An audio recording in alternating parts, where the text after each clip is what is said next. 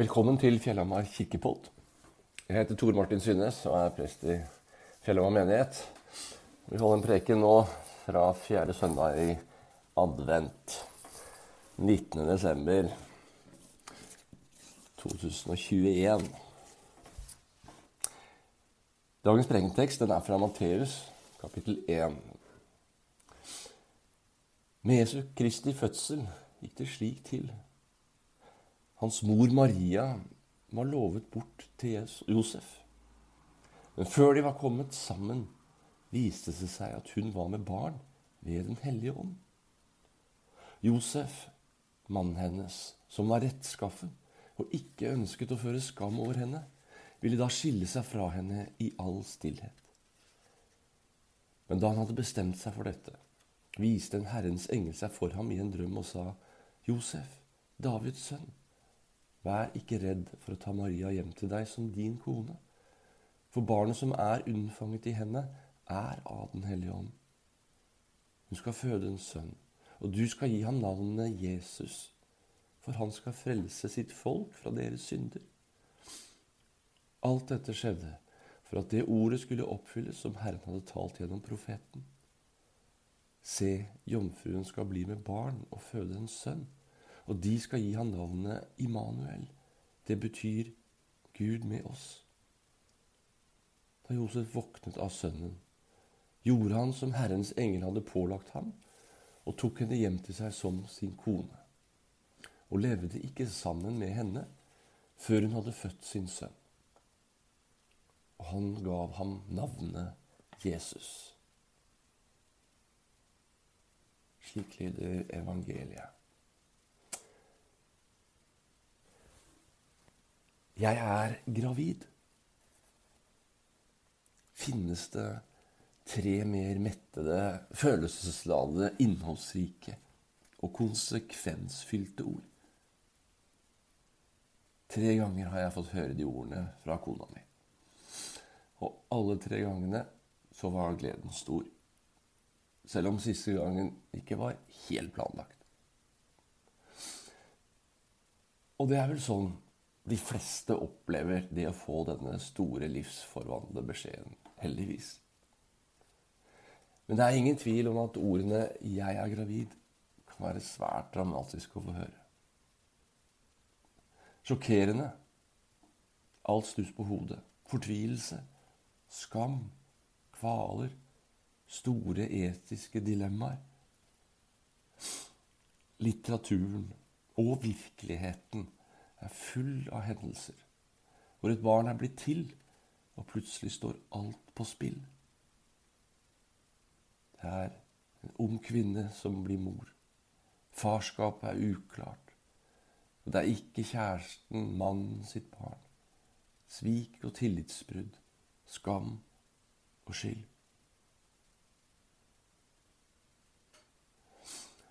Josef må ha kjent på mye av det siste da Maria fortalte ham at hun var gravid. Sjokk, sinne, svik, fortvilelse og kvaler. For én ting visste han. Det var ikke hans barn som hans forlovede bar. Og Maria hadde fortalt Josef om engelen som hadde sagt hun skulle bli med barn ni måneder tidligere at du skulle bli med barn ved Den hellige ånd. Det vet vi ikke, det står ikke. Men hva annet kunne hun ha sagt? Rett etter at engelen hadde fortalt Maria at hun skulle få en sønn ved Den hellige ånd, dro hun opp til fjellene, til sin slektning Elisabeth, som også ventet barn på forunderlig vis.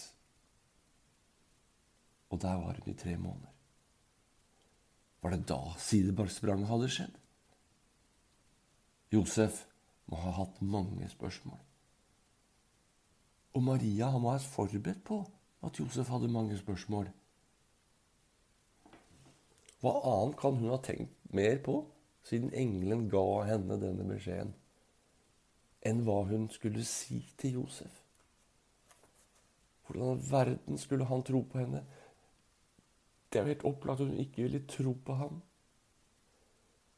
Og det ville være stor sjanse for at han ville, forlate, han ville forlate henne også.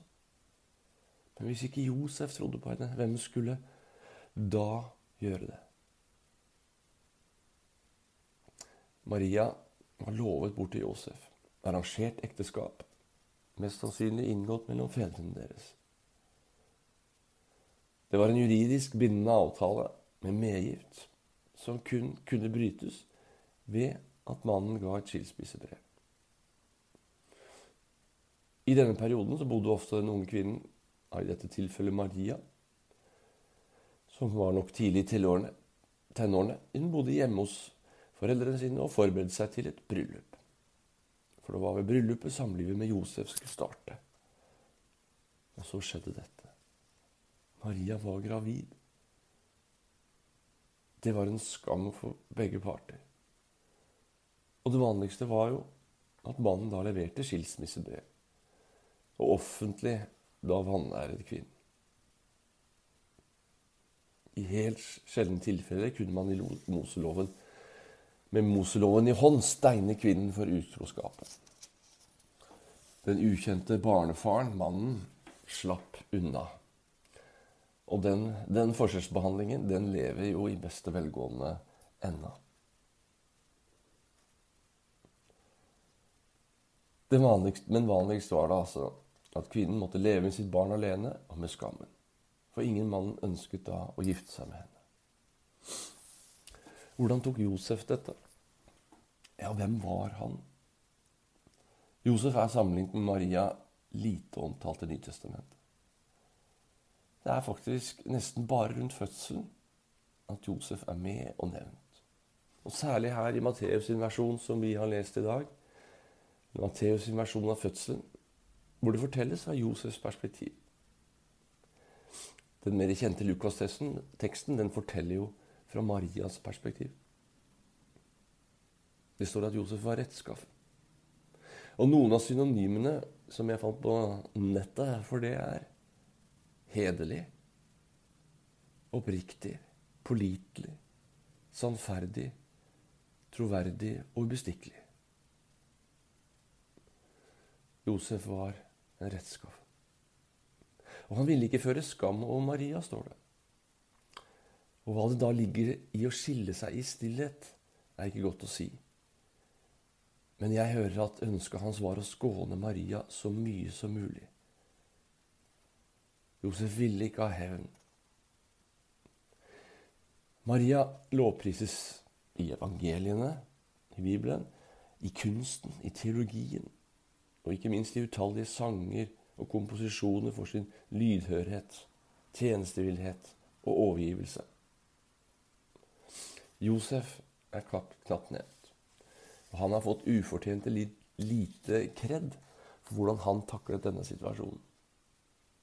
For da han også fikk møte Herrens engel og fikk høre disse utrolige og umulige om barnets tilblivelse, så var han også lydhør og tjenestevillig. Han sto opp for Maria Jesus med stor fare for å bli dratt med i et eller annet uføre og skammen. Josef var redd for hva det kunne innebære å ta en gravid Maria hjem til seg som sin kone. Men han gjorde som engelen sa. Han valgte adopsjon istedenfor skilsmisse. Josef var av Davids hus og ett. Messias, frelseren, skulle ifølge profetene komme fra Davids ett.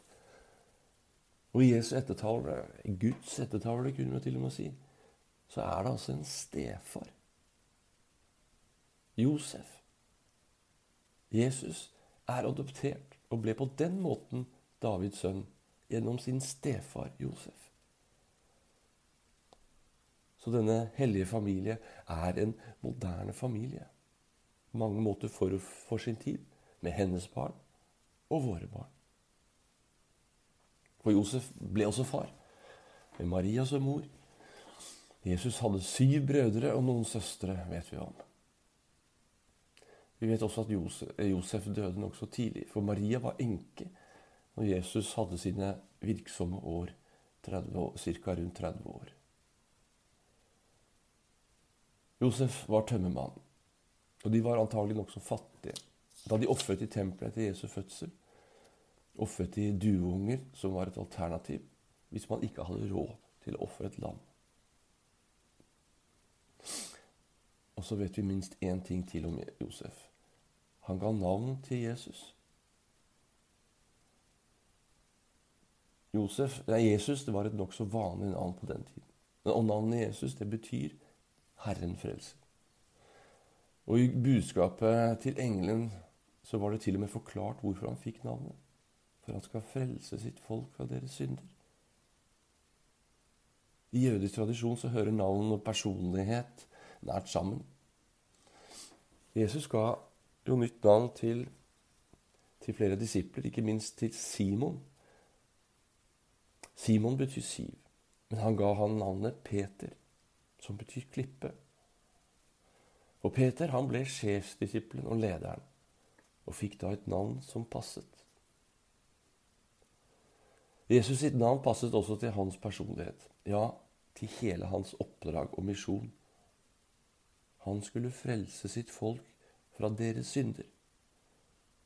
Og sitt folk er ikke bare her forstått som Israel, men universelt. For Jesus sitt folk og hans oppdrag det er ikke begrenset av etnisitet og språk. Kjært barn har mange navn, ikke minst Jesus. Og I teksten her så får vi til og med høre et til, som også Gud har gitt. Immanuel. Det betyr Gud med oss. Det får Josef vite helt i starten av Matteusevangeliet. Og helt til slutt i Matteusevangeliet, i misjonsbefalingen, så er det det som står igjen. Jeg er med dere alle dager. Gud med oss. Immanuel, Gud med oss, det er rett og slett kjernen i jula og julas budskap. I julenatt så ble Gud en av oss. Han ble vår bror, vår venn. I Jesus kom Gud nær til oss. Han delte vår virkelighet. Han har hatt skoa våre på. Og Jesus tok Gud mer enn noen gang del i vårt liv. Han ble skitten av jord, syk av mygg, dukket av mygg, kald av frost. Han ble sulten og trøtt. Han ble krigsbarn og flyktning. Gud med oss. Det er hva jula handler om. Da ikke bare som et talende virkemiddel. Nei, det er sånn Gud er. Sånn Jesus er. Det er det som er hensikten, det Gud vil. Være med oss. Immanuel. Det har vært meningen fra skapelsen av. At Gud vil være med oss. Og det er kjernen også i påsken. Immanuel, Gud med oss. Og med døden på korset så bygges broa mellom himmel og jord ferdig. På korset og ved sin død som soning for alt det onde og gale, all synd, så frelste Jesus sitt folk fra deres synder. Og der ble hans navns oppdrag fullført å frelse sitt folk fra deres synder. Hvorfor? Hva er frelsen? Jo, å være med Gud, og Gud med oss.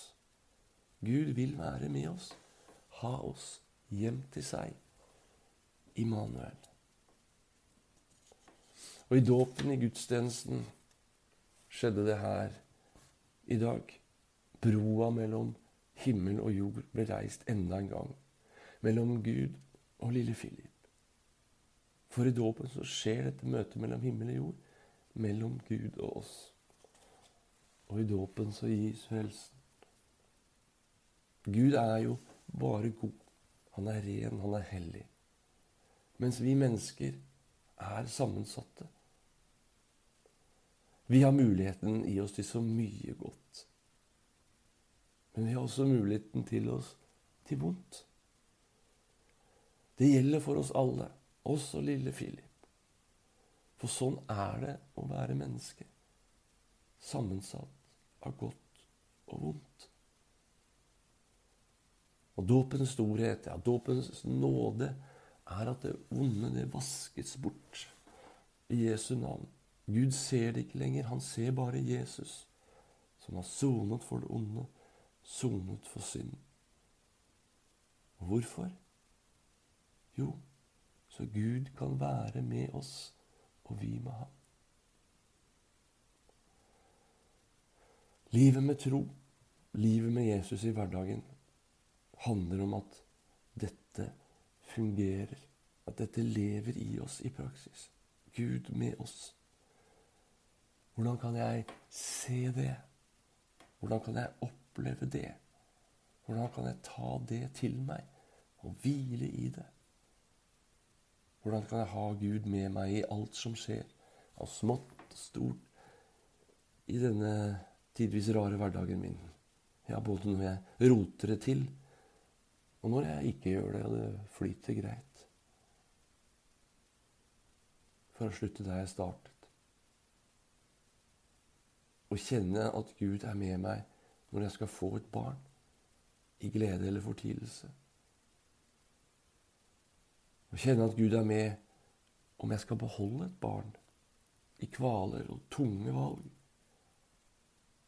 Å kjenne at Gud er med når jeg har mistet et barn i sorg og tap.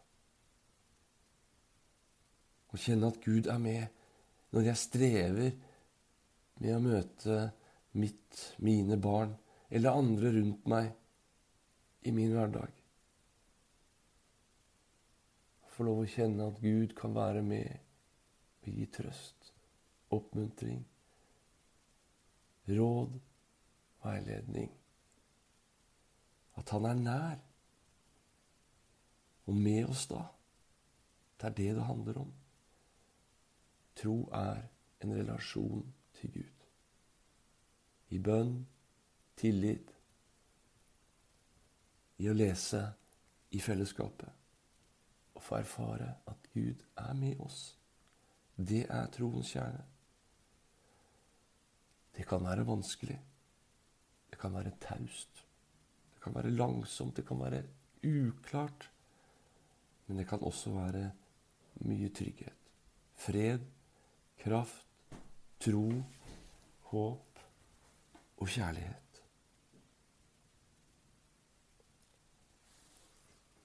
Ha en riktig god jul.